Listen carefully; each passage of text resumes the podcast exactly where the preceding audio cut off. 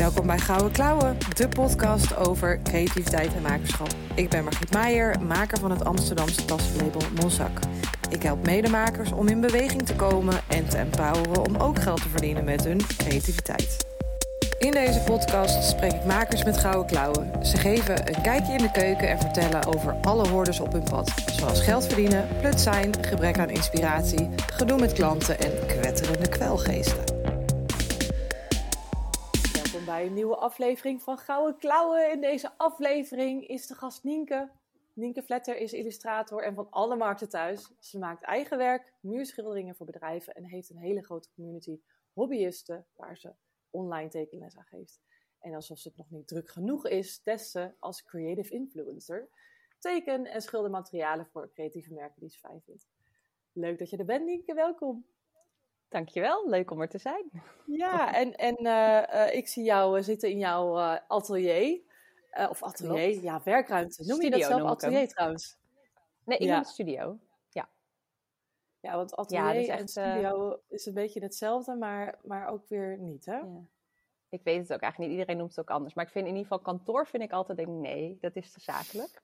Dus uh, ja, studio klinkt in ieder geval lekker creatief en dat is het natuurlijk ook. Dus uh, ja, ja, mijn happy en, place zeg ik altijd. En ik vind het grappig, want, uh, want ja, je zit in een oude gevangenis. Klopt dat? Klopt, ja, echt heel tof. Uh, ik was op een gegeven moment uh, op zoek naar een werkruimte. Ik werkte eerst vanuit thuis, maar ik merkte gewoon, ja, ik ben toe aan iets buiten de deur. En uh, hier in het centrum van Utrecht zit een oude gevangenis. En die is, zit wel een tijdelijke verhuur, want het is uiteindelijk nu verkocht. En weet je, wordt uiteindelijk helemaal verbouwd tot nou ja, hotel, kantoor, helemaal zo'n combi. maar tot die tijd is er een soort anti-kraakverhuur. En ja, kon ik daar een plekje krijgen. Ik heb eerst echt in een van de oude cellen gezeten.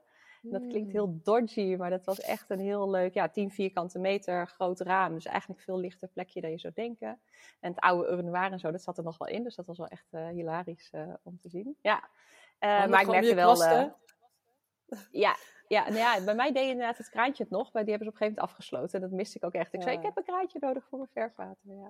Nee, en op een gegeven moment merkte ik wel met al die materialen die ik heb verzameld... van het wordt wel echt te klein en ik wilde gewoon meer licht en meer ruimte. Dus toen werd een nieuwe eigenaar die eh, kocht het. En toen konden we intern doorverhuizen. Dus nu zit ik lekker uh, op de plek waar eerst de directeuren zaten. In de voormalige directeurskantoren. Dus uh, ja, net even. Het, het, is twee keer zo groot. Het is nu 20 vierkante meter. Dus dat is uh, precies genoeg voor je jeetje. Lekker. Ja. En, en mensen denken, illustrator, die heeft, daar, die heeft een hele... bijna vieze ruimte met allemaal verfspatters op de muur en overal rotser. Maar bij jou ziet het er heel strak uit. En volgens mij zet jij ook best wel ja. veel achter de computer. Ja, ook wel. Ik probeer dat wel echt langzaam wat minder, uh, wat minder te doen en echt meer maaktijd te maken. Dat is wel een van mijn dingen waar ik dit jaar heel erg mee bezig ben geweest. En, uh, en dit is natuurlijk ook de achtergrond, is ook de, een beetje de inspirerende, gezellige uh, dingen. Dus hier in de hoek heb ik allemaal, allemaal, nou ja, allemaal spullen staan en schildersezel en dat soort dingen. Maar ik mhm. ben sowieso iemand hoor. Ik ben niet van inderdaad de, de creative mess. Ik ben echt van als het opgeruimd is en allemaal materialen staan lekker voor het pakken, dan gaat bij mij de creativiteit stromen. Want als het inderdaad chaos is en je moet overal continu zoeken, ja, dat werkt voor mij gewoon niet. Dus uh, ja, ik denk een beetje clichébeeld wat mensen hebben, maar bij mij is het tegenovergestelde. Ja, le lekker georganiseerd ook. Ja, alles op kleur gesorteerd uh, ook, zaak onbekend. Oh, ja. nou, en een hele, een hele kast vol boeken. Dan ga ik zo meteen, uh, want ik weet dat je een eh, dat je jezelf, een, eh, jezelf een boeknerd noemt. Dus ik ben benieuwd uh, wat, voor boek, wat, wat voor toffe boeken je laatst uh, hebt gelezen of tips hebt. Uh, maar ik ben eerst even benieuwd hoe, hoe, hoe maken thuis ging. Hoe zag dat er thuis uit? nou, het is bij mij echt begonnen als hobby naast mijn werk. Ik, heb, ik was altijd wel als kind bezig, zoals denk ik heel veel, met tekenen en ook veel aan het zingen en dansen. Ik was wat dat betreft ook echt wel creatief kind. Um, maar ik vond ook de hele kant van psychologie en sociologie, die vond ik super interessant. Um, dus uiteindelijk ben ik communicatiewetenschappen in Enschede gaan studeren. En tijdens de introductie vertelde ze heel erg dat je ook ontwerpvakken zou krijgen. Dus toen dacht ik, nou, dat is de perfecte combi van creativiteit en die uh, inhoudelijke kant. Nou, die, die creatieve vakken, dat bestond uit twee ontwerpvakken in, uh, in, de, in het eerste jaar. En daar hield het op, dus dat viel beetje tegen. Uh, dus ik heb uiteindelijk heb ik, ben ik afgestudeerd en heb ik tien jaar lang bij allerlei ontwerpbureaus gewerkt. Dus echt als uh, ja, communicatieadviseur, projectmanager en een beetje tussen de klant en de creatieve studio in. Dus dat, dat heb ik tien jaar lang gedaan. En toen begon het eigenlijk echt te kriebelen om weer zelf creatief aan de slag te gaan. Uh, ja, en toen is langzaam, dat was eerst een hobby en ik uh, leerde handlettering kennen. Want toen, wat is het ondertussen een jaar of zeven, acht geleden, was dat helemaal zo'n hype. En dat zag ik in de Flow magazine en dat zag ik online. Dus dat ben ik eigenlijk gaan doen. En uh, toen dacht ik, oh, dit, dit vind ik wel heel leuk en dit kan ik ook goed. Het is natuurlijk wat strakker allemaal en wat veiliger mm. achteraf dan echt illustreren. Dus ik heb het heel lang als hobby gedaan. En dat, nou, dat begon inderdaad ook gewoon eerst thuis een tekentafel of een keukentafel. En toen toch een bureau gekocht. En toen kwamen er steeds meer bakjes met stiften bij. Nou, en toen uh, uiteindelijk uh, was het ook niet meer te combineren. Ik kreeg mijn eerste opdrachten. En uh, ik raakte wat overbelast op mijn, op mijn baan. En toen dacht ik, ja, op een gegeven moment kom je op zo'n punt, ik moet een keuze maken. Als ik hier mijn geld mee wil verdienen, moet ik er meer uren in steken. En ja, ben ik gestopt met mijn vaste baan. En, en de eerste anderhalf jaar thuis gewerkt achter dat bureau met al die bakken met stiftjes. En op een gegeven moment dus, werd dat te klein. Ja, en, en dus, dus je, je bent eigenlijk van fulltime in loondienst werken ben je direct fulltime voor jezelf begonnen. Dat is best wel een bold keuze. Ehm, ja, ik heb het wel. Ik heb het 2,5 jaar denk ik ongeveer ernaast gedaan. En ik werkte op een gegeven moment, ik werkte eerst 36 uur. Uh, en op een gegeven moment ben ik wel naar 32 uur gegaan. Dus had ik elke vrijdag had ik in ieder geval vrij voor mijn eigen bedrijf. Ja, op een gegeven moment groeide dat zo. Dus ik stond elke vrijdag was ik aan het werk, stond ik weer een muurschilder ergens te maken. En dan door in de avonden gaf ik workshops of in de weekenden. Dus dat was op een gegeven moment inderdaad niet meer te combineren. Um, en toen heb ik inderdaad, omdat het bedrijf wat interne veranderingen had, zei ze op een gegeven moment, en ze zagen gewoon dat ik een beetje aan mijn tax begon te zitten. Of een beetje heel erg eigenlijk hoor. Het was, uh, ik had gelukkig geen burn-out, maar ik denk niet dat ik heel veel langer door had moeten gaan. Dus toen hebben zij ook gezegd van nou, we bieden een vaststellingsovereenkomst. Dus op die manier kon ik in ieder geval in de WW uh, en vanuit daar eigenlijk mijn bedrijf verder uitbouwen. Maar daar heb ik maar een paar maanden in gezeten. Um, en toen heb ik in het begin nog wel ook wat freelance communicatieopdrachten gedaan. Een oud klant van mij, uh, waar ik heel graag mee werkte, die, die bood dat aan. Dus het was wel een soort veilige overgang van, oh ja, ik wist dat ik ook nog wat communicatiewerk kon doen. Nou, ik had even als backup nog uh, die WW. Um, en ik had uh, al het geld wat ik eigenlijk uh, extra verdiende, had ik opzij gezet. Dus ik had ook voor mezelf een bepaald bedrag van, nou, als ik dat opzij heb staan, ik had 10.000 euro bedacht, dan kan ik in ieder geval een paar maanden vooruit. En eigenlijk, oh ja, die maand dat ik daar stopte, had ik ook precies dat spaarbedrag. Dus, wow, ja. wat goed. Ja. Dus echt met een, met en een doel. Wel, ja. En ik wist ook wel door die 2,5 jaar van hier zit genoeg potentie in. Ik had mijn netwerk al, ik had mijn opdracht al, dus ik wist gewoon, ja, dit dit loopt wel. Dus dat, uh, voor mij heeft het nooit heel erg spannend gevoeld. Vooral een soort eindelijk. Ik, dat vooral, ik, vond het heel, ik vond het vooral spannend om bij mijn vaste baan te stoppen vanuit een soort verantwoordelijkheidsgevoel. Maar uh, ja. ja. ja. Ja, en, en, het, en jij dan? Heb jij ooit eerst nog loondienst gedaan? Of heb jij, ben jij altijd direct voor jezelf begonnen? Nee, dat, dat, uh, dat, is, dat zou ik ook zeker anderen aanraden. Dus ik ben blij dat je het ook vertelt. Hoe je, hoe, hoe je dat toch een langzaam stapje, stapje voor stapje afbouwt. Dat heb ik ook gedaan. Dus ik heb eerst, uh, ik heb als, als inkoper in de mode gewerkt. En toen uh, dacht ik, ja, toen maakte ik al tassen daarnaast fulltime werken. En dan s'avonds nog tassen maken en, ik, maken. En ik ging dan ook nog op en neer naar Enschede. Omdat mijn moeder dan een leermachine had in haar atelier. Dus dan moest ik in een weekend even ja, een aantal tassen maken. Nou, dat, dat was stress, niet normaal. Dat, was echt uh, vreselijk eigenlijk. en um, toen ging ik op zoek naar, naar parttime werk. Maar in die tijd, dat was een beetje een gekke tijd. Want dat, dat was dan rond 2010 of zo, rond 2011. Toen werd er ook best wel veel bezuinigd. Uh, dat was ook wel rond de crisis toen. Dat, dan had je een contract en dan werd hij weer werd hij niet verlengd. Maar ik heb dat ook een tijd gedaan. Dus, dus ik denk dat de laatste baan die ik had was dan voor twee dagen of zo. En dat gaf mij wel, zo langzaamaan leer je gewoon, oh ja, als ik er dus meer tijd in stop, dan ga ik er dus ook meer uithalen. En dan, dan pas gaat het groeien. Want heb jij dat ook? Dat je echt als je pas focus hebt, dan, dan uh, gaat het in één keer heel snel. Ja, en ik denk ook, want er is ook zo'n omslagpunt van, inderdaad, je moet op een gegeven moment genoeg verdienen om er voor te kunnen gaan, maar je moet ook er meer tijd in kunnen stoppen om er genoeg uit te halen. Dus ik denk dat dat altijd het spannende punt voor mensen is. Ik, mm. ja, ik adviseer inderdaad ook nooit als je nog niet echt aan het ondernemen bent, om dan direct je baan helemaal op te zeggen. Maar op een gegeven moment kom je inderdaad op zo'n punt. En ik merkte ook wel dat ik, nadat ik die communicatieopdracht was gestopt, ik heb later nog één keer bij mijn oude bureau ben ik even ingesprongen. Uh, omdat ze echt iemand nodig hadden. Maar ik merkte heel snel van ja, ik word hier gewoon, ik kan dit heel goed, maar ik krijg geen energie meer van. En inderdaad, toen ben ik de keuze maak, maar ik ga nu ook echt helemaal dat soort opdrachten er ook niet meer bij doen. Ja, toen heb ik inderdaad uh, een mega goed jaar gedraaid. Dus uh, ja, ja, ik ben, ja, ben helemaal van overtuigd op het moment dat je echt vol de focus erop legt, dan... En, en je weet al dat het potentie heeft. Je hebt al een tijdje ondernomen, al is het parttime. Ja, dus dat, ja, ik denk dat dat ook een beetje voor sommige mensen ook heel veel rust kan geven. Hoor. Ook, ja, ik, ik heb er nooit zo'n last van. Ik, ik heb ondertussen wel vertrouwen dat het financieel goed komt. Ja, maar zeker als je iemand bent die toch wel denkt van ja, ik vind dat heel spannend, dat financiële. Ja, neem er vooral één of twee dagen nog een bijbaan mee. Maar ja, ja focus helpt wel om het andere te laten groeien. Ja, ja. ja een beetje succesjes boeken dan. Uh, en, en dus, dus voor zelfvertrouwen krijgen doordat, uh, doordat je merkt dat er gewoon vraag naar is. En dat je de ander ook echt kan, uh, kan helpen met je product. En, en jij um, uh, ging, ging echt van je hobby je werk maken. Hoe, hoe is dat dan nu? Ja. Heb, je, heb, je, heb je nu een hobby? Omdat je van je hobby je werk gemaakt hebt, heb je die hobby ja. niet meer? Het is nog steeds, het is ook nog steeds mijn hobby, grappig genoeg. Ik weet okay. dat het bij heel veel niet meer is. Uh, ik zit nog steeds heel vaak s'avonds of in de weekenden lekker met mijn schetsboek. Soms op de bank voor de tv. Of uh, wat ik heel vaak doe, is gewoon lekker of daar achter mijn bureau. En heb ik ondertussen met een half oog lekker makkelijk Netflix-serietje aanstaan. Dus het is ook nog steeds mijn hobby. Maar ik merk wel dat je er zit soms wel een dubbeling in um, dat je wel snel denkt: oh, dit is goed gelukt. Mooi, dat is een Instagram-post. Of dat ik iets deel. Ja. En denk, ah, misschien dat ik daar uiteindelijk weet je wel, een cursus van kan maken. En dat je zodra je iets deelt, mensen zeggen: ga je hier een cursus meegeven? En dat ik echt denk: mag ik ook een keer iets voor mezelf maken? Zonder dat het gelijk een cursus is. Maar ik snap het wel goed. Ja. Dus het is wel, ja, met die dubbeling zit je er wel altijd in.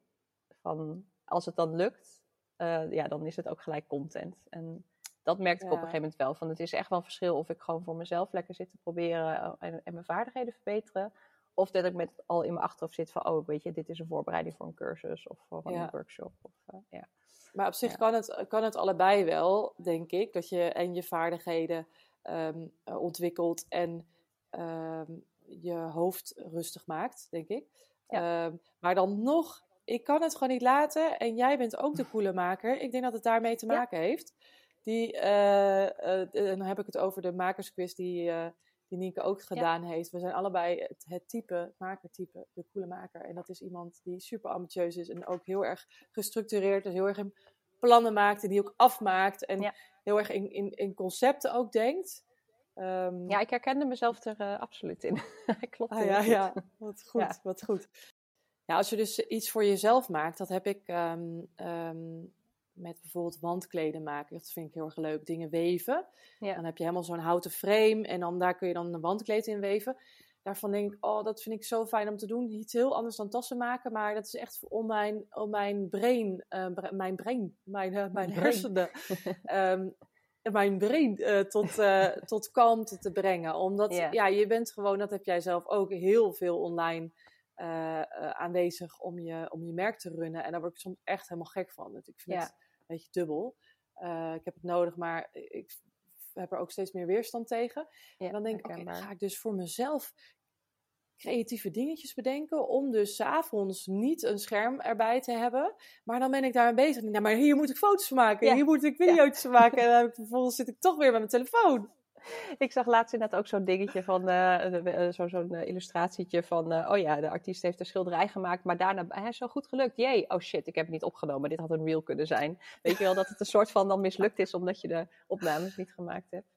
Ja, dat is ja, heel herkenbaar. Ik, ik merk inderdaad, die dubbeling zit er ook in. Ik ben bijvoorbeeld schildersles gaan nemen. Elke maandagochtend, nu is even zomerpauze, maar heb ik twee uur schilderles. Wat voor mij echt Tuurlijk weet ik uiteindelijk dat het doorwerkt in mijn werk. En wie weet ga ik uiteindelijk ook wel schilderijen maken. Maar voor nu is het ook echt voor mij genieten. En ik maak vaak wel even foto's. Soms deel ik er iets over.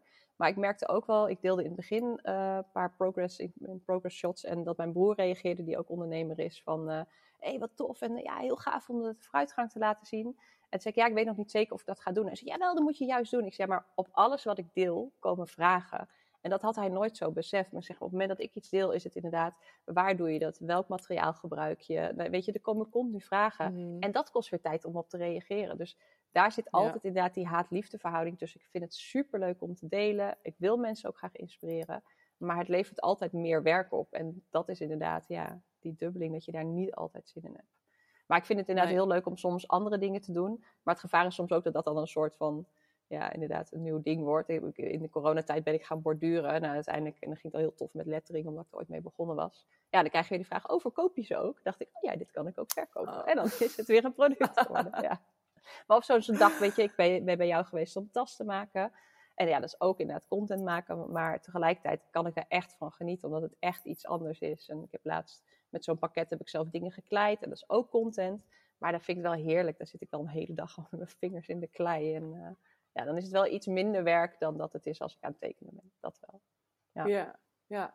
En hoe vind jij dat om, uh, want je hebt uh, een grote, grote following, ook omdat je natuurlijk veel trainingen verkoopt. Um, ik denk dat veel mensen ook wel terugkomen elke keer. Maar, maar hoe vind jij dat om, om online zichtbaar te zijn? Ja, ik vind het eigenlijk wel heel leuk. Uh, ik denk ook, ik had het daar een tijdje geleden met, uh, met een coach over waar ik een traject mee deed. En zij zei ook, er zit gewoon iets in mij wat, uh, wat het podium leuk vindt. Ik was als klein meisje altijd aan het zingen. Ik heb in bands gezongen. Ik, ik zat op balletten en met de voorstellingen stond ik natuurlijk het liefst vooraan. Dus ik, iets in mij vindt het heel leuk om, om een podium te hebben. Nou, dit is eigenlijk één groot podium. Dus ik heb daar, ja, ik heb daar ook nooit moeite mee. Sommige mensen zeggen, oh, er gaat een camera aan die verkrampen. En ik denk alleen maar, oh leuk, kom maar door. Mhm, en uh, ja, ik vind mhm. het gewoon leuk om mijn kennis te delen. En, en vooral heel erg de, de reacties die ik krijg van mensen die je volgen. Maar ook inderdaad die onze cursussen doen. Mijn cursussen en cursussen die ik heb met een collegaatje. Ja, ik vind het zo'n zo groot compliment als mensen zeggen... Hey, je inspireert me of je hebt me over een angst heen geholpen of over een drempel. Uh, dat inderdaad merken je benaderen omdat ze zien... hey, je bent echt een expert hierin ja, en dat ik inderdaad materiaal opgestuurd krijg. Uh, ja, mensen zien het altijd als, oh, je krijgt gratis spullen. Ik zeg, nou, alles is werk, want ik krijg niet zomaar gratis spullen. Mhm. Ik krijg het in ruil voor content en promotie en dat soort dingen. Maar ja, dat is ergens wel een droom. Het kleine meisje bij wordt echt gierend gelukkig als er weer een pakketje met hele mooie spullen binnenkomt. Dus uh, ja, het feit dat dat podium helpt om, om dat in mij te voeden, maar dat je ook die kennis kan delen, ja, vind ik gewoon, word ik heel blij van. Ja. ja. Maar het is ook wel. en, Nee, zeg maar. Nee. Ik denk dat je al de kant op ging waar ik naar wilde vragen. nou, waar we het net over hadden. Het is ook wel die dubbeling van altijd online zijn. En uh, ik ben wel voor mezelf daar makkelijk in. Als, in. als ik geen zin in heb, dan doe ik het ook niet. Dan, eh, ik voel niet de druk van ik moet nu iets posten. Maar het zit wel, stel je je achterover. Oh, dit kan content zijn. Ja, dat wel. En eh, heb je dan tijden voor jezelf? Kun jij, eh, kun jij in de avond ook je telefoon wegleggen? Of, of ben je daar niet zo strikt op? Eh, je schermtijd, hoeveel is die? ik heb toevallig gisteren nog gecheckt, want ik had het hierover uh, met Anne, mijn collega, goede vriendin. Wij doen veel samen. Um, en volgens mij zit hij rond de gemiddeld vier uur, drieënhalf uur per dag voor mij. Dus dat viel oh. nog mee. maar goed, ik zit ook heel veel achter mijn laptop. Nee, ja, ik probeer wel inderdaad, s'avonds probeer ik hem wel steeds vaker weg te leggen. Dat ik hem op een gegeven moment ook echt vanaf een uurtje of acht of zo soms wel vliegtuigmodus zet. Om mezelf te dwingen dan ook niet meer te kijken. Um. Maar ik wil eigenlijk wel minder hoor. En ik, en ik merk vooral als je aan het posten bent, dus als je stories maakt, dan kijk je toch op een gegeven moment van hebben mensen gereageerd en dan reageer je erop. En als je iets gepost hebt, wat zijn de reacties? Dus ik probeer daar soms wel strenger voor mezelf te zijn oké, weet je het nu posten en je kunt ook over een uur of over twee uur kijken en dan in één keer alle reacties doen in plaats van letterlijk ja. 10 minuten. Dus vooral die onrust die het mhm. soms geeft, ja, dat vind ik wel, uh, vind ik wel een uitdaging. Dat blijft, dat blijft de grootste uitdaging. Ja. Ja. ja, en ik denk dat het ook een uitdaging blijft, of zo ervaar ik dat, omdat je het ook gewoon heel erg leuk vindt, dat wat je doet. Dus het, is, het is geen straf ook om, om te reageren, maar eh, je, ik merk het uh, mentaal gewoon sneller. Dat ik dan einde van de dag, als ik veel, als ik een aantal reels heb gemaakt, en ik heb, ben actief, actief, wat actiever geweest. Ik heb inderdaad een sticker ergens ingegooid waar je dan op wil reageren. En ik heb dan ook twee accounts, dus en Monzak en de makerscoach. Dus dan is het af en toe ook een switch van, oh ja, uh, wat ga ik nu ook weer zeggen? Welke uh, persoonlijkheid moet ik nu? Uh... ja, wie doe ik nu ook weer na? Nee, dus, dus dan, ja, dan ben ik s'avonds echt wel, dat merk ik gewoon aan mijn, aan mijn, ja, mijn, mijn ja, ik ben gewoon overprikkeld dan. Ja, dat, dat, ehm. ja, volgens mij, we, we hadden het volgens mij ook over dat we allebei uh, hoogsensitief zijn uh, als het gaat om prikkels. Ik merk het ook, ik probeer, ik heb een tijdje geleden het boek Focus aan uit van uh, Mark Tichelaar mhm, gelezen. En dat was voor mij weer zo'n goede reminder, dat ik nu ook echt weer probeer, oké, ik wil nu weet ik, een workshop voorbereiden of ik moet een offerte voor een klant schrijven, dat ik echt mijn telefoon inderdaad een timer aanzet, in mijn tas ook doe. En dat ik gewoon weet, totdat die timer gaat, uh, niet inderdaad WhatsApp checken, niet Instagram checken. En dat dagen dat ik me daar nou ja, goed aan hou. En ook echt denk, oh, nu ga ik even inderdaad een kwartiertje of een half uurtje mijn socials doen. En dan gaat hij weer in mijn tas. Dat ik inderdaad precies wat je zegt, ik kom dan zoveel, met zoveel meer energie de dag door. Het voelt inderdaad echt zo, het is zo'n het geeft zo'n extra onrust dat continu online zijn. Dus ja, dat is de, denk ik echt de grootste uitdaging. Om het wel te zijn, maar om het wat meer in porties te zijn in plaats van continu de hele dag. Ja. Ja, ja beperkt inderdaad. Dat, het, dat je het in blokken doet of zo. Het is, uh, het is zo versnipperd. En daardoor ben je toch altijd honderd en één dingen aan het doen. En wat hij, dat is wat hij ook zegt. Je, eh, je kunt multitasken, maar dan gaat het meer over dat ik bijvoorbeeld nu, terwijl wij aan het kletsen zijn, een doodle aan het maken ben. Ja. Dat, dat is positieve uh, multitasken, want dat is goed voor je hersenen, want dan zijn ze nog meer gefocust, geloof ik. Ja, klopt. Ehm, en, ik, en ik vond die tip van hem, aanraken is afmaken, ook heel goed. Ja. En ik dacht, oh ja, hoe, hoe, vaak open je wel niet een mail en dat je denkt, oh, even hmm. lezen. En dan, oh ja, ik ga straks wel antwoorden. Ja, en dan, dan, dan, ja, ja, ja. of, of uh, aantekeningen maken van een, uh, van een uh, podcast of zo. En dan heb ik die aantekeningen ergens staan, maar ik kan er op dat moment ook eigenlijk niks mee doen, want ik was niet van plan om op dat moment content te maken of zo. Nou, eh, hoeveel boekjes ik volgeschreven heb met dingen ja. ja. niks mee doen. Nee, en, en inderdaad, precies wat je zegt van dat met die openstaande mails. Ik moet zeggen, omdat ik jarenlang projectmanager ben geweest, is mijn inbox zoals. Ik heb een business manager. Zij zei ook van nou ja, jij hebt de meest georganiseerde inbox die ik tot nu toe bij al mijn klanten heb gezien. Ja, dat is tien jaar lang mijn werk geweest. Maar ik probeer inderdaad ook echt heel bewust, oké, maandagochtend is mijn administratiedag. Dus dan probeer ik dan inderdaad alle, ik heb echt een apart mapje van het uitgaven verwerken. Dan gaat in één keer al die factuurtjes en dingetjes gaan naar mijn accountant, naar mijn boekhouder toe. En inderdaad de openstaande mailtjes beantwoorden kan beantwoorden. Dus zodat echt wat er in mijn inbox staat, dat zijn echt alleen nog maar de mailtjes waar ik iets mee moet.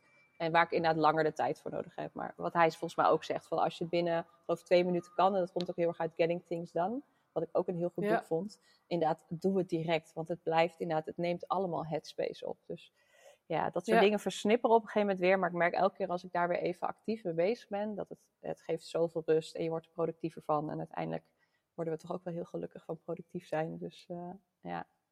Ja, dat is wel, nou, wij, wij helemaal, wij, uh, ons, type, ons type mens.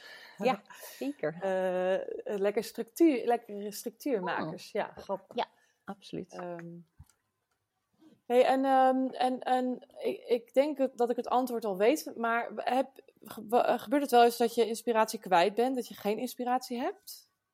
Uh, ja, op zich wel. Um, wat bij mij, waar ik de afgelopen eigenlijk jaar heel erg mee bezig ben geweest. Ik heb vorig jaar ontzettend goed jaar gehad als het gaat qua omzet en opdrachten. Maar ik merkte daar dat ik eigenlijk alles wat ik deed was op een gegeven moment doelgericht geworden. Dus het was inderdaad of iets maken voor een workshop, uh, of het was inderdaad social media content voor een klant bijvoorbeeld, um, of het was promotie voor mijn eigen cursus. Dus ik merkte heel snel dat omdat alles een doel had, dan ben ik vaak wel productief. Want het is gewoon, de kaders zijn best wel duidelijk. Het is dat onderwerp met dat materiaal. Zeker als het gaat om workshops voor klanten. Uh, ik werk veel met de merken, dus bijvoorbeeld een Winter Newton of een Royal Talens of uh, een uh, Edding heb ik anderhalf jaar lang campagne mee gedaan. Dan is het heel duidelijk, je moet een workshop geven in een uur met dit materiaal over dit onderwerp en mensen moeten dit en dit leren. Dus ja, dat, dat zet je wat dat betreft productief heel erg aan. Alleen ik merkte wel inderdaad dat mijn creativiteit daarmee eigenlijk beperkt werd. Omdat je niet de vrijheid hebt om gewoon te spelen. En dat is ook, nou, precies, de coole maker is ook een perfectionist. Dat mm ken ik heel erg. Uh, dus gewoon maar gaan kliederen en spelen en dan zien wat er ontstaat, dat vind ik heel lastig. Dat, weet je, dat was ik als projectmanager niet gewend. Nou, en dat is zeker als je op die manier succes hebt, is dat ook allemaal weer resultaatgericht. Dus als het gewoon echt is, hier heb je al je materiaal en ga maar gewoon beginnen, dan vind ik het wel, kan ik het heel lastig vinden om gewoon te gaan beginnen en zien wat er ontstaat. Um, dus dat is ook een van de redenen waarom ik de afgelopen maanden heb ik bewust minder klantwerk aangenomen. Eigenlijk wel bijna een half jaar. Om echt heel erg aan die mhm. eigen ontwikkeling te gaan werken. Eén op één coachingstraject gedaan. Met een coach echt speciaal uh, voor creatieve vrouwelijke ondernemers. Een beetje eigenlijk wat jij ook doet. Um, Ja, en, en gewoon heel erg daar weer op gaan focussen. Van, oh ja, wat gebeurt er als ik wel ga spelen? En, en wanneer maak ik werk waar het meeste gevoel in zit? Ja, dat is al die keren als ik niet met het eindresultaat bezig ben, dan verkramp ik. Oh ja. Nou, dat is precies wat je ook omschreven bij de Koele Maker. Van ja, vanuit je gevoel werken, dat was een van mijn grootste coachvragen. Van, ik ben heel erg een oh gevoelsmens, maar om dat te vertalen in mijn werk vond ik heel lastig, want de perfectionist nam het elke keer over. Dus, uh, ja. ja, dus meestal aan de slag gaan gaat wel, maar om echt gewoon die inspiratie te vangen, ja, daar moet je voor spelen. En die ruimte was er gewoon heel weinig. Dus dat is nu eigenlijk de grootste les die ik heb geleerd van hoe belangrijk het is dat ik ruimte maak. En dat is denk ik voor elke maker, dat je ruimte maakt voor spelen. Dat je niet alleen maar doelgericht bezig bent, maar inderdaad dat ik maandagochtend twee uur lang met een kwast sta te kliederen. Ja, dan gaat het weer stromen. Ja. Hoe is het voor jou? Want tassen is natuurlijk ook best wel een heel duidelijk product. Ja, dat is een product. Dat staat ook. kun jij daarin ook nog steeds spelen? Of zit het dan meer in zoiets als die wandkleden? Ja, dat, ehm, het is, dat is sowieso een interessant onderwerp, vind ik. Want, want je hebt binnen makers, binnen verschillende type makers, ehm, eh, heb je mensen die het heel fijn vinden om binnen kaders te werken. Ehm, en sommigen die heel graag autonoom willen werken. En dat is dan eigenlijk bijna meer kunst ja. Eh, wat je verkoopt. En, en, en, en ik denk dat uh, die makers of creatieven die wat commerciële zijn, ook wel binnen bepaalde kaders op een gegeven moment gaan werken, omdat dat gewoon werkt. Uh, en je daar dan een soort sprintjes in wil, in wil zetten, ook omdat je gewoon geld wil verdienen. Um, ik denk dat dat ook echt het verschil is tussen de, de, de, de starving artist en de, en de commerciële. ja, yeah. ik weet dat we Nienke daar, uh, daar uh, ja, daar gaan we het zo over hebben. Het is een mooi bruggetje die je niet bewust uh, was gezet. Maar, maar dat je, um, ja, ik vind het dus zelf heel erg fijn als iemand tegen mij zegt: Ik zoek, een, zoek al jaren de ideale tas. Ik wil dat jij deze drie net niet tassen in de blender gooit en dat we daar samen de ideale tas van maken. Dat vind ik gewoon heel fijn, omdat ik gewoon heel graag, ik voel me nog meer gemotiveerd om, om iemand niet miskoop te laten doen, dan dat ik mij creatief vrij voel. Um, uh, zonder mezelf tekort te doen hoor, want, want creatieve vrijheid haal ik ook, ook heel erg uit een landingspagina maken of mm. op mijn website dingen mooier maken of een e-mail funnel tof maken. Of ja, ik, ik ben zoveel. Ik vind creatief zijn ook probleem op. Probleem, ja. ja problemen oplossen of uh, um, slimmer denken of zo. Dus, dus uh, dat is voor mij ook creativiteit. Maar het, het, is echt uit mijn handen komen en ook uit mijn comfortzone komen. Dat doe ik met, uh, ja, dus of met, met weven of ja, kleding maken. Maar ook daarin denk ik heel snel weer, betrap ik mezelf erop, ja, maar dat kan ik niet goed genoeg. Mijn moeder en mijn zus kunnen het wel heel goed. Oh, ja. ik maak maar iets heel simpels, weet ik zeker dat het lukt. Oh ja. De perfectionist in jou denkt dan ook, ik maak het mezelf makkelijk, want er kan niemand zeggen, nou, dat is inderdaad een, uh, een tikje te hoog gegeven. Ja, oh, inderdaad. Wat een lelijk Colbert heb jij gemaakt. En dat ik, dan, dat, dat ik dan zou kunnen zeggen, nee, maar ik heb, het, ja, maar ik heb er wel heel veel lol aan gehad. En uh, boeien dat het niet perfect is. Ik ben daarin dan ook wel weer, ik wil gewoon niks verspillen. Dus dan uh, uh, ga ik materiaal verspillen of, of mijn tijd verspillen of zo. nou ja. Maar, dus, dus ik, ik, um, ik maar vind het wel, wel grappig wat je zegt van dat materiaal verspillen. Dat, dat, laat zei ook iemand, uh, de eigenares van de webshop waar ik veel mee werk, van ja, weet je wel, art materials zijn er om te gebruiken, niet om te verzamelen. Maar we zijn zo vaak inderdaad van, oh ja, met dit, dit ja. of dit mooie schetsboek wil ik niet verpesten. Ja, dat, ik, wel op een gegeven moment ben ik echt een tijdje overgestapt naar goedkope schetsboeken, omdat ik gewoon wist, dan maakt het me niet zoveel uit als er een lelijke pagina tussen zit. Want die te mooie schetsboeken, die bleven in mijn kast staan. Want ik dacht, ja, maar als ik daarin ga beginnen, dan moet het echt heel mooi zijn. Terwijl nu merk ik hoe meer ik het doe. En ook ja, als je meer spullen hebt, dan denk je, ja, weet je, het is, het is meer zonde om het niet te gebruiken. Dan dat het daar jezelf mm maar staat aan te staren. Maar het is wel, ja, dat is wel iets wat denk ik bij heel veel mensen herkenbaar is. Van, ja, je wilt het niet verspillen. Nee, en, en, en ook dat perfectionisme. Als kind uh, denk je helemaal niet na. Ik denk, dat, ik denk dat social media daar ook heel erg in meespeelt. Wat je ook in je blog schrijft. Uh, je, je vergelijkt je met al die mensen die het allemaal al gedaan hebben. En die inderdaad tien jaar al uh, daar hun tijd aan het in, in, het investeren zijn, waardoor ze zo goed zijn geworden. Dat vergeten ook heel veel mensen. Want ze ik kreeg laatst ook weer de vraag van iemand die zei van, oh, maak je al lang portretten? Uh, want ze vond mijn resultaat zo goed. En dat ze dus een soort van op zoek was naar het bewijs van dat ik dat misschien al twintig jaar deed. Ze zei, ja, ik zie namelijk niet superveel op je, op je Instagram-account. Maar toen zei ik inderdaad ook tegen haar van, ja, maar vergeet niet inderdaad, ik, ik post het gisteren ook nog ik speel heel vaak in het weekend. En als dat mislukt, laat ik het ook niet zien. En toevallig dit Mhm. weekend had ik een portret gemaakt. Ik dacht, oh, deze is supergoed gelukt. Die deel ik dan inderdaad. Dus dat, Mm. ja, dat, dat blijft voor je. Dat, en hoe meer je zelf een maker wordt of, of meer professional wordt, dan weet je dat wel. Dan heb je er, tenminste ik persoonlijk heb er minder last van. Maar ik zie het Mhm. wel heel veel bij mijn cursisten en zeker de wat meer beginnende. Ja, die kunnen daar echt door verlammen inderdaad. Van ja, zo goed ga ik nooit worden. Dat ik denk, ja, ik was Nee. een jaar geleden ook nog niet zo goed. Ik zie elke keer als ik iets maak, zie ik weer, ik ben nog beter geworden. En ik weet gewoon dat ik nog zoveel, zoveel beter kan worden. Maar er is maar één manier Ja. dat is het gaan doen. Ja, en dat... eh, ja. Ja, en, en dat, ik denk dat, ja, dat is lastig, hè. Dat, daar kom ik dus ook steeds meer achter. Ik denk, ik denk heel erg in mijn, eh, vanuit mezelf, wat, wat helemaal, helemaal niet, eh, eh, wat ik mijn klanten niet zou aanraden. Het is altijd makkelijk om de ander iets aan te raden. Maar ja, Het is gewoon hè, bij, de, bij, de, bij de loodgieter elektrische kraan ook. Uh, maar dat je, ik, in eerste instantie denk ik, bij, uh, vanuit de makerscoach, vanuit mezelf. Van, maar je wil gewoon lekker uh, een creatief leven. En, en je wil uh, dat mooie product wat je al een tijd maakt, wil je een, hoger, een leveltje hoger tillen. En daar meer geld uit, uithalen. Um, dat denkt toch iedereen, denk ik dan. Mm -hmm. En dan vervolgens uh, kom ik er steeds meer achter dat er zoveel gedachten zijn die mensen tegenhouden. Dat het echt die mindset is van.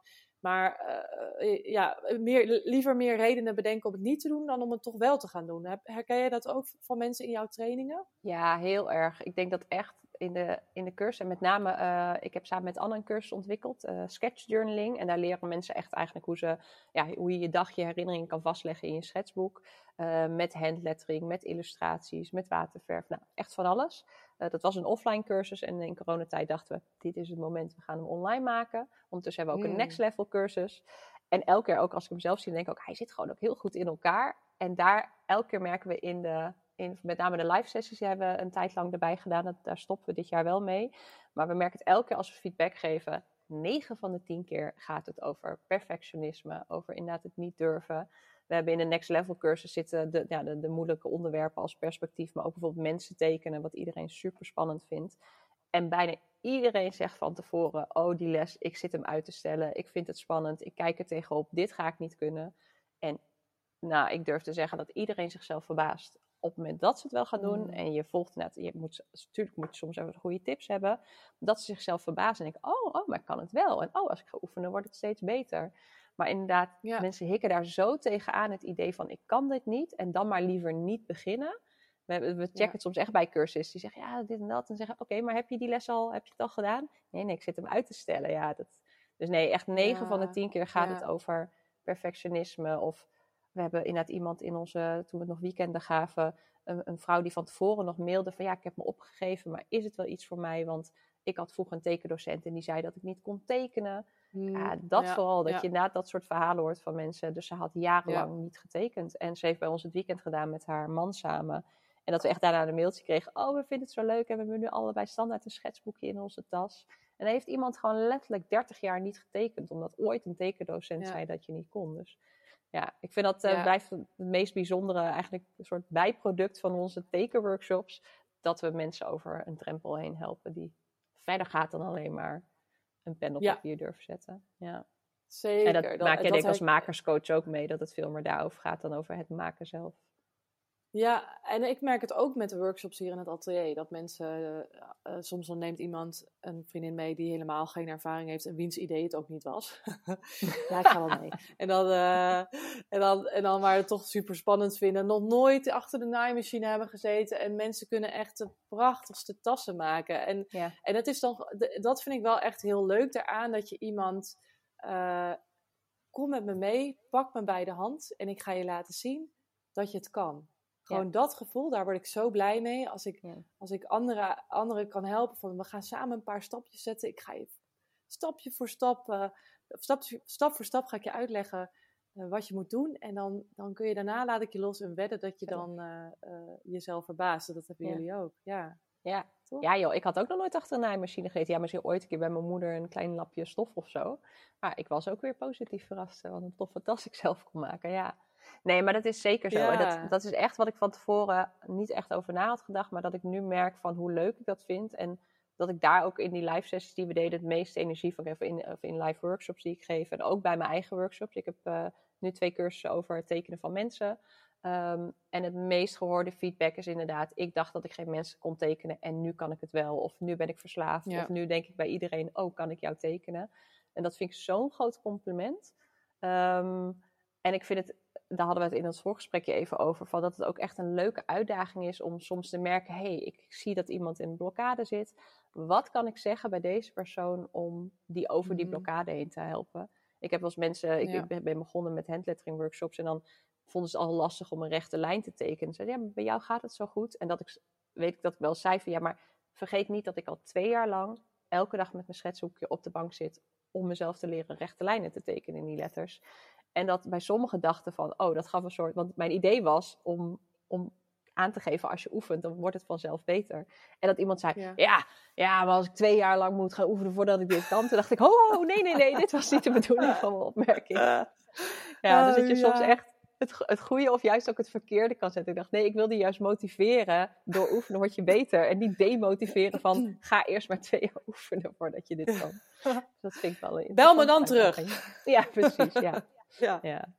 Ja, ja, dat, dat, ja dat, het blijft, dat, dat, ik vind dat hele mindset verhaal zo interessant. Ik ben nu ook uh, Think and Grow Rich aan het lezen. Heb je die al gelezen? Nee, nee nog niet. Dat, um, nou ja, Grow Rich, dat hoeft het niet per se te zijn in geld. Mag wel hoor. Graag zelf. Maar, nee, maar het gaat ook heel erg over mind, ja, mindset. Is in 1937 eh, geschreven en het is zo actueel. Dat is echt een aanrader. Ik ga nog een podcast opnemen waarin ik met iemand, een andere creatieveling, een boek ga bespreken. Oh, maar ja, dat gaat ook heel erg over, uh, over uh, je, ja, in jezelf geloven. En ik denk dat dat voor heel veel mensen spannend is. Dus daar, daar zijn wij voor, uh, om die mensen over een, een hobbeltje heen te helpen. Hey, en, maar, en, en, om ze over het hobbeltje, de star... De ja, Starving Artist Myth. Ja, nee, ik had, ik had inderdaad ja. denken over inderdaad die, die growth mindset. Weet je, dat je een fixed mindset kan hebben of growth mindset. En ik denk dat wij dat allebei heel erg hebben. En dat, ik denk dat, ik zeg ook wel eens, weet je al, als het gaat om tekenen, maar denk ook op andere creatieve makers mensen denken soms, oh, je bent super getalenteerd en dan is het vooral nog een beetje doen. Ik zei, nee, ik denk dat 20% talent is en 80% is doen. En ik heb een enorme drive om, om dingen uit te zoeken, om te verbeteren, om te proberen. Ik, ja, ik, al die kennis over al die materialen, ik zuig dat op als een spons. En daar zit ook een heel grote drive van mij. En dat is denk ik die, die growth mindset. Van ja, mhm. je kan blijven groeien en leren. Um, het is niet fix dat je iets wel of niet kan, inderdaad. Ja. En daar inderdaad nee, zit nee, ook de uh, ja, heel goed in. Ja. ja. Vertel eens, wat vind je daarvan? ik, het irriteert mij mateloos. Dat is denk ik de ongenuanceerde versie ervan. Ja. Maar la, en laten we, even, laten we even uitleggen aan de luisteraars die niet snappen wat het uh, betekent. Ja. ja, een beetje het clichébeeld dat, uh, dat je als artiest uh, altijd moet struggelen om je geld te verdienen. Dat is een beetje dat, dat je er niet rijk van kan worden. En dat. Nee, ik, weet je, en ergens, ik snap het. Want het is ook, deels is het ook lastig. Want, dat zeg ik altijd, het is heel gek. We vinden het heel normaal dat een advocaat 200 euro per uur vraagt. Uh, die inderdaad ook mhm. heel erg hard heeft moeten leren. We kijken enorm op tegen creativiteit. We vinden het, eh, weet je wel, de Van Goghs en de Rembrandts vinden we geweldig. Muziekmakers, wat dan ook.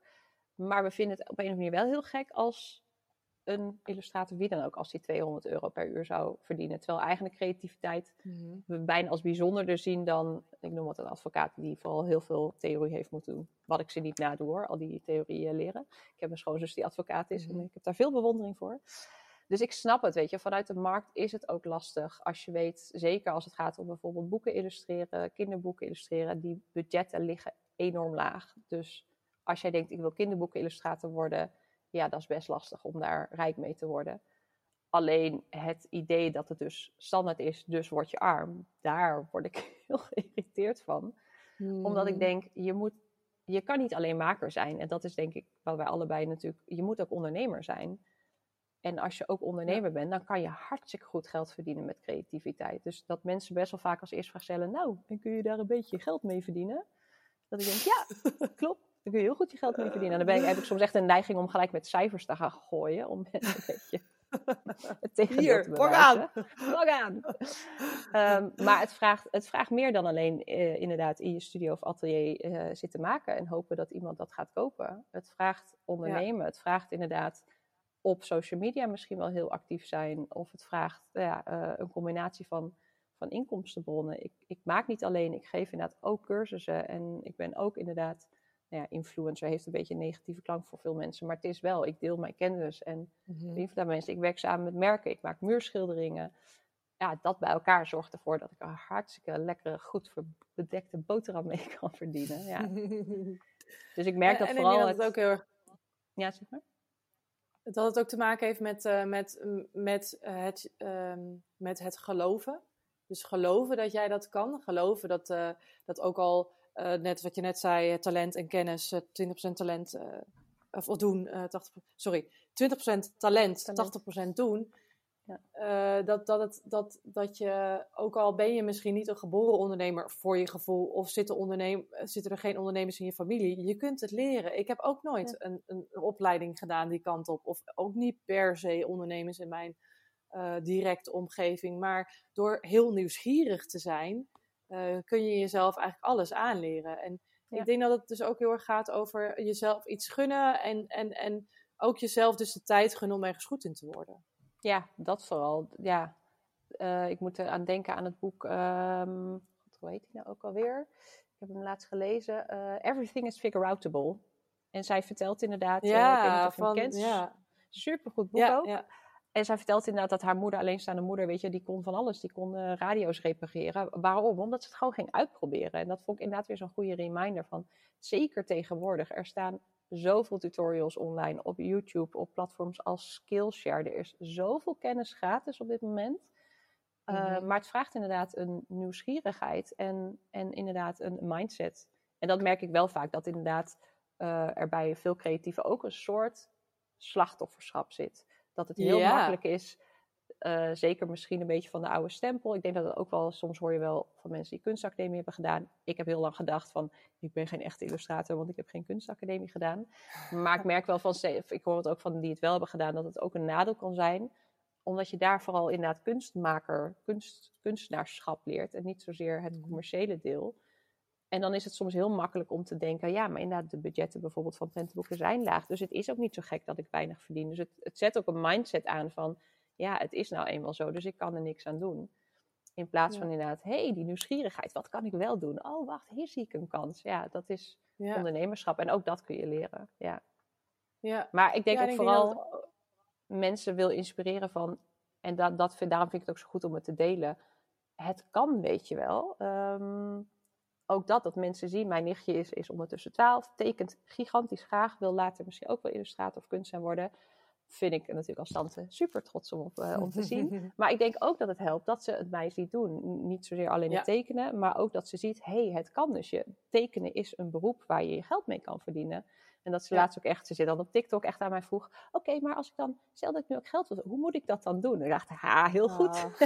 Ah. maar dat zal wel een beetje, weet je, tegelijkertijd gun ik haar ook nog dat ze heel lang lekker blijft spelen. Maar wel dat ze al nadenkt van, oh ja, mensen vragen wel eens dat ze een tekening van me willen. Ja, dan zou ik uiteindelijk zou ik daar ook geld voor kunnen vragen. Ja, inderdaad, ja. Ja.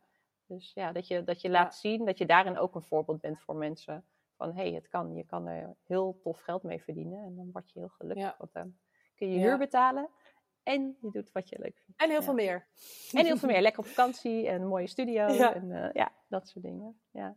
Ja, waar, ik- waar ik ook aan denk is dat, dat op, hè, ons, ons, ons beroep of een creatief beroep was iets waar, eh, nou hoe lang geleden, 200 jaar geleden, eh, wat, wat super normaal was. Je ruilde gewoon, ik maakte een schep en jij maakte een brood Ja. en dat ruilden we, ruilden we, bij wijze van spreken.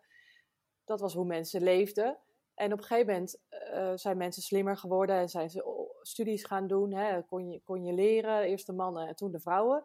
Ehm, eh, dus is, is het, het hele maken eh, op, op een soort tweede plek gekomen of is een beetje sneuig geworden. Oh, maar die is maar timmerman. Terwijl dat Mhm. eh, 200 jaar geleden heel normaal was. En ik denk dat daar ook een soort schaamte op zit. Want ik hoor ook veel, veel mensen die een creatieve leven zouden willen leiden, maar een dure studie hebben gedaan. En eh, van hun ouders gehoord hebben gekregen. Ja, maar met je handen kun je geen geld verdienen. Ga maar een studie doen. En daar, daar kun je jezelf tussen haakjes een veilige toekomst mee mee, meegeven. Dat is verstandig. En, Och, en dan echt. denk ik, ja, dat, dus, dus dat moeten we ook weer onleren. Ja, godverdamme.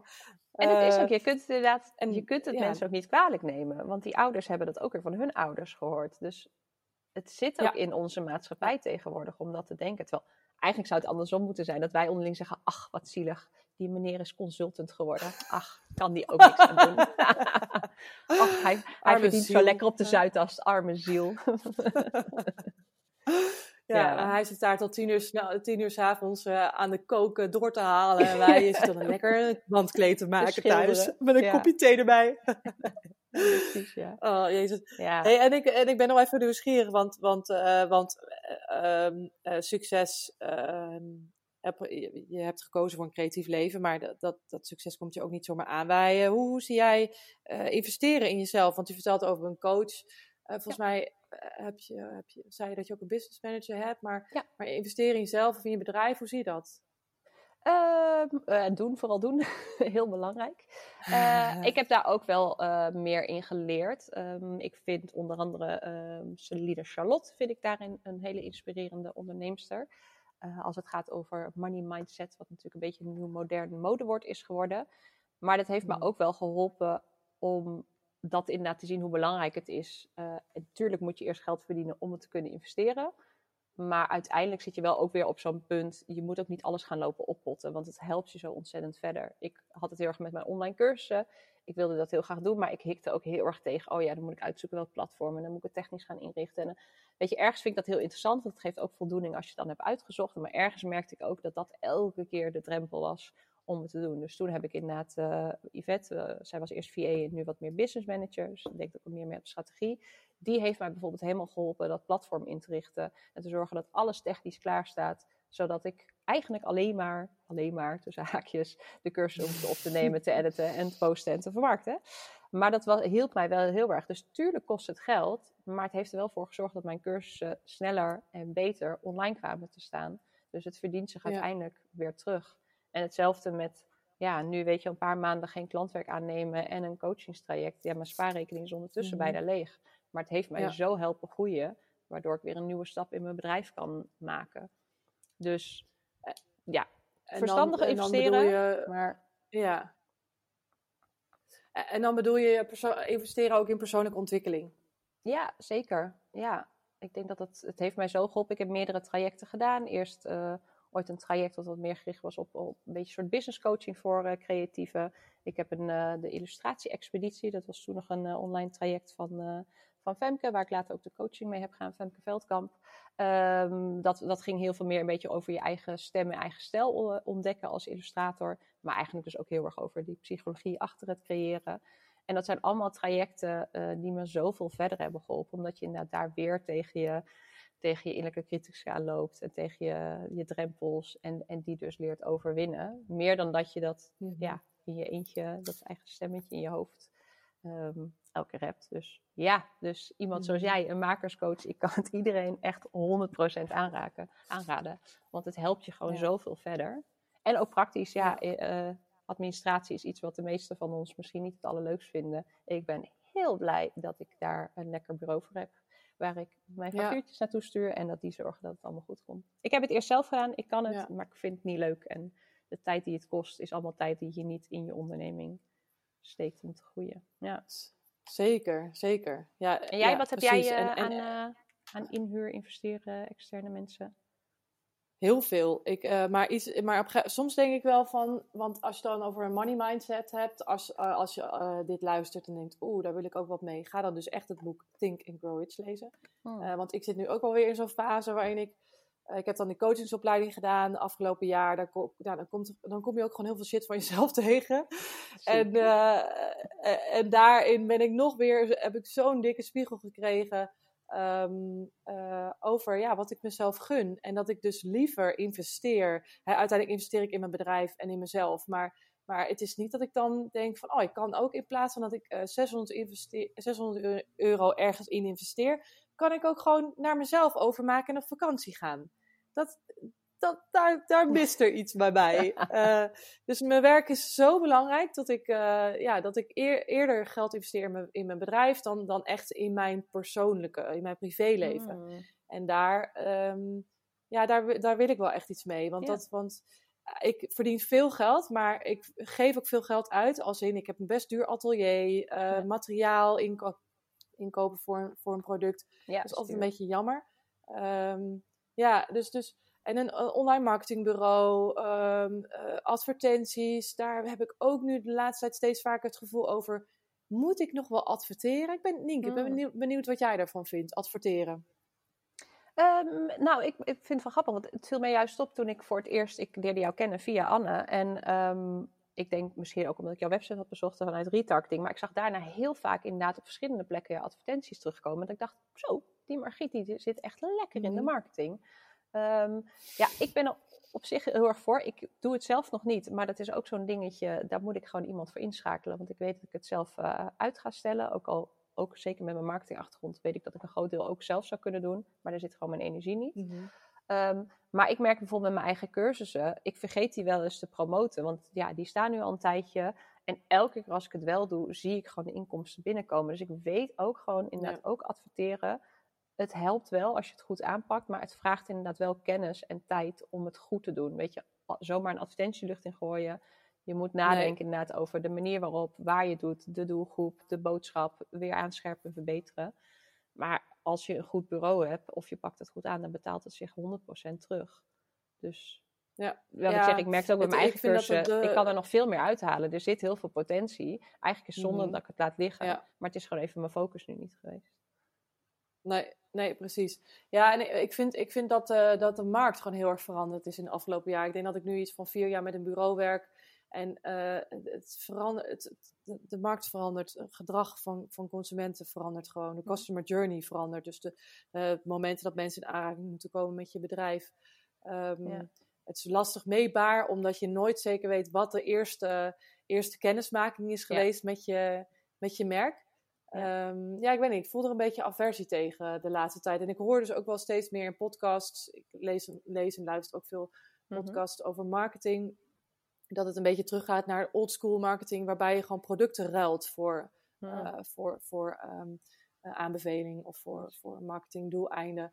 In plaats van dat je dus heel veel geld in, in Facebook stopt. Want soms denk ik echt, holy shit, hoeveel geld gaat er naar Facebook elke maand? Yeah. Dat is echt, uh, echt insane. Ik denk ook wel dat het, ehm, dat het een combinatie kan zijn. Want we hebben wel eens, uh, als ik bijzeg, gaat het vaak over Anne en mij, omdat we veel hebben samengewerkt. Mm we hebben wel eens inderdaad de Facebook-advertentie toen voor onze cursus gedaan. En daar merkten we niet direct meer inschrijvingen van.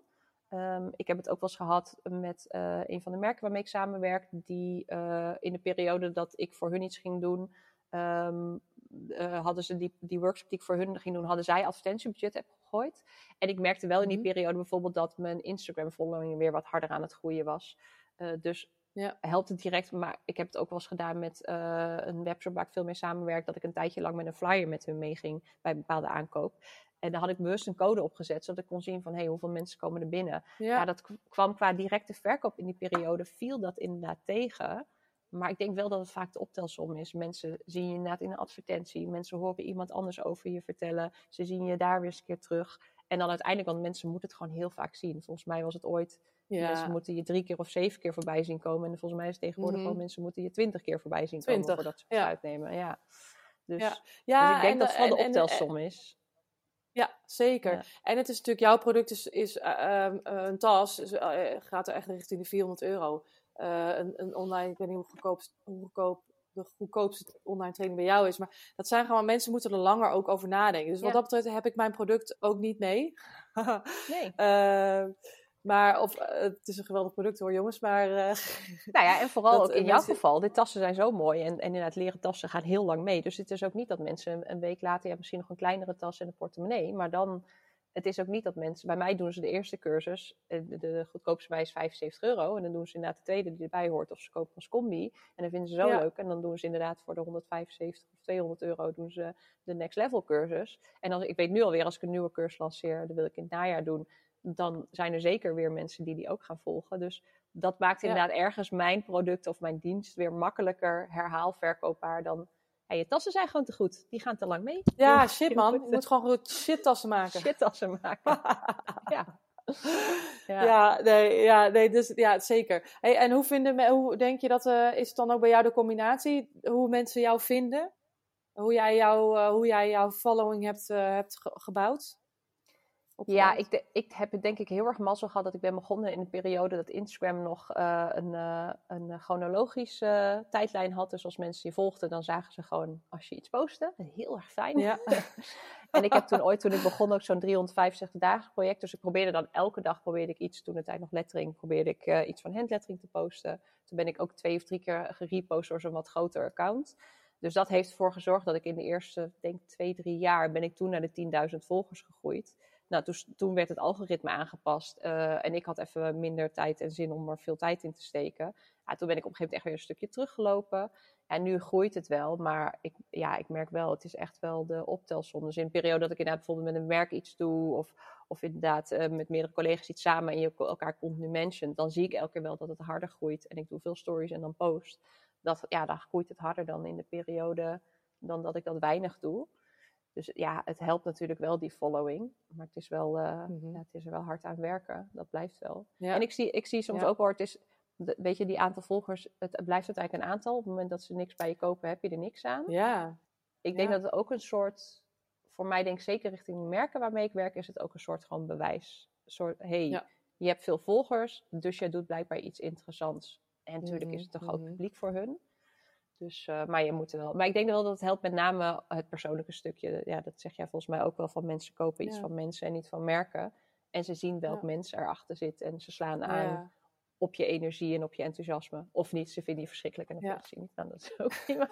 dan weten ze in ieder geval waar ze aan toe zijn. Ja, ja. dat helpt denk ik wel voor het dus stukje dat, persoon. Dat, ja, laten zien. absoluut. En, en als jij, ik denk dat, dat je dan ook terugziet als jij uh, um, als jij jezelf beter kent, dan kun je ook jezelf beter verkopen. Ja, ja zeker. Dus ja, dan heb je gewoon een duidelijker verhaal. En ik denk dat het ook van die kleine stukjes branding, ja, mijn lievelingskleur is blauw. Op een gegeven moment werd het een dingetje en nu weet iedereen het gewoon. Dus ik, heb afgelopen jaar mijn uh, huisstijl uh, laten herontwerpen door, uh, door mevrouw Knot, Milou, hele goede ontwerpster. Ja, en ik ben nu bezig met een eigen productlijn met een, uh, met een bedrijf. En het is zo fijn om zoiets te hebben. Dus iedereen, als ik nu stingetjes van laat zien, zeggen mensen ook van... Oh ja, het is echt Nienke, weet je. Ja, want het is in mijn kleuren, met de dingen die ik mooi vind. Dus dan wordt het ook echt een merk. En dat is erg zo gek. Ik heb nu de eerste producten binnen. En dan denk ik, ah, dat is echt bizar. Er staat iets met mijn naam erop. Maar ja, het is wel helemaal mij. En straks ligt dat misschien wel in de winkels. Ja, hoe tof is dat? Super tof. Dus het zijn soms van die kleine dingen die onverwachts je brand worden. Dat mensen denken, denken, oh ja, jij bent van de kleur blauw. Of wat ik een heel goed voorbeeld vind, Marloes de Vries. Zij is illustrator. Zij houdt mhm. heel erg van de, van de felle roze luchten. Daar maakt ze een schilderij mee. Dus tegenwoordig iedereen die een felle zonsondergang ziet, die tagt haar van, oh, het is echt een Marloes lucht. Dat je dus onbewust iets jouw ding kan maken, gewoon omdat je er zelf zo enthousiast van wordt. Dus dat blijft ook wel, ja, hoe dichter je bij jezelf blijft en de dingen deelt waar jij heel blij van wordt, daar slaan mensen op aan. Mhm. Dan zien ze jouw ja, energie erin. Ja, ja, precies. Ja, ja. ja. Eh, leuk, want ze komt ook in de podcast. Oh, leuk. Super. Uh, over een paar weken. Ja, heel leuk. Ja. Hey, en uh, ja, we, zijn, we zijn alweer aan het einde gekomen. Het, uh, is insane, gaat insane snel. Hey, heb jij nog een dikke tip voor, voor de luisteraars? Ik denk mijn belangrijkste tip, hoe simpel die ook klinkt, is ga het alsjeblieft gewoon doen. het is echt, je hmm. kan en dat gaat over zowel tekenen als schilderen als ondernemen. Je kan er heel veel over lezen. Je kan eindeloos tutorials kijken. Je kan heel veel vragen stellen aan mensen die je bewondert. En je leert het uiteindelijk echt pas als je het gaat doen. Daar leer je het allermeest en het ja. allersnelst van. Dus dat is denk ik mijn grootste tip. En, en ook 80% is goed genoeg. Want wat in jouw hoofd, zeker als je net als onze perfectionist bent, wat in jouw hoofd 80% is, is mhm. waarschijnlijk voor de buitenwereld uh, eh, 99%. Dus als je gaat zitten wachten tot je dat alle kennis hebt en het perfect is, dan gaat het toch niet gebeuren. Dus ga het gewoon lekker doen en, en gun jezelf om te mogen leren en te mogen spelen. En, uh, dan is het het allerleukste. En fouten te maken. Dat zeker, ja. Ja, absoluut. Dus doen, go, go, go. Nou, super fijn. Ja, dankjewel Nienke. Ik vond het super leuk om je te spreken. Leuk dat je luisterde naar deze podcast. Um, uh, als je deze podcast leuk vindt, geef vooral sterren. Dat vind ik heel erg uh, leuk om terug te zien. En uh, tot de volgende keer.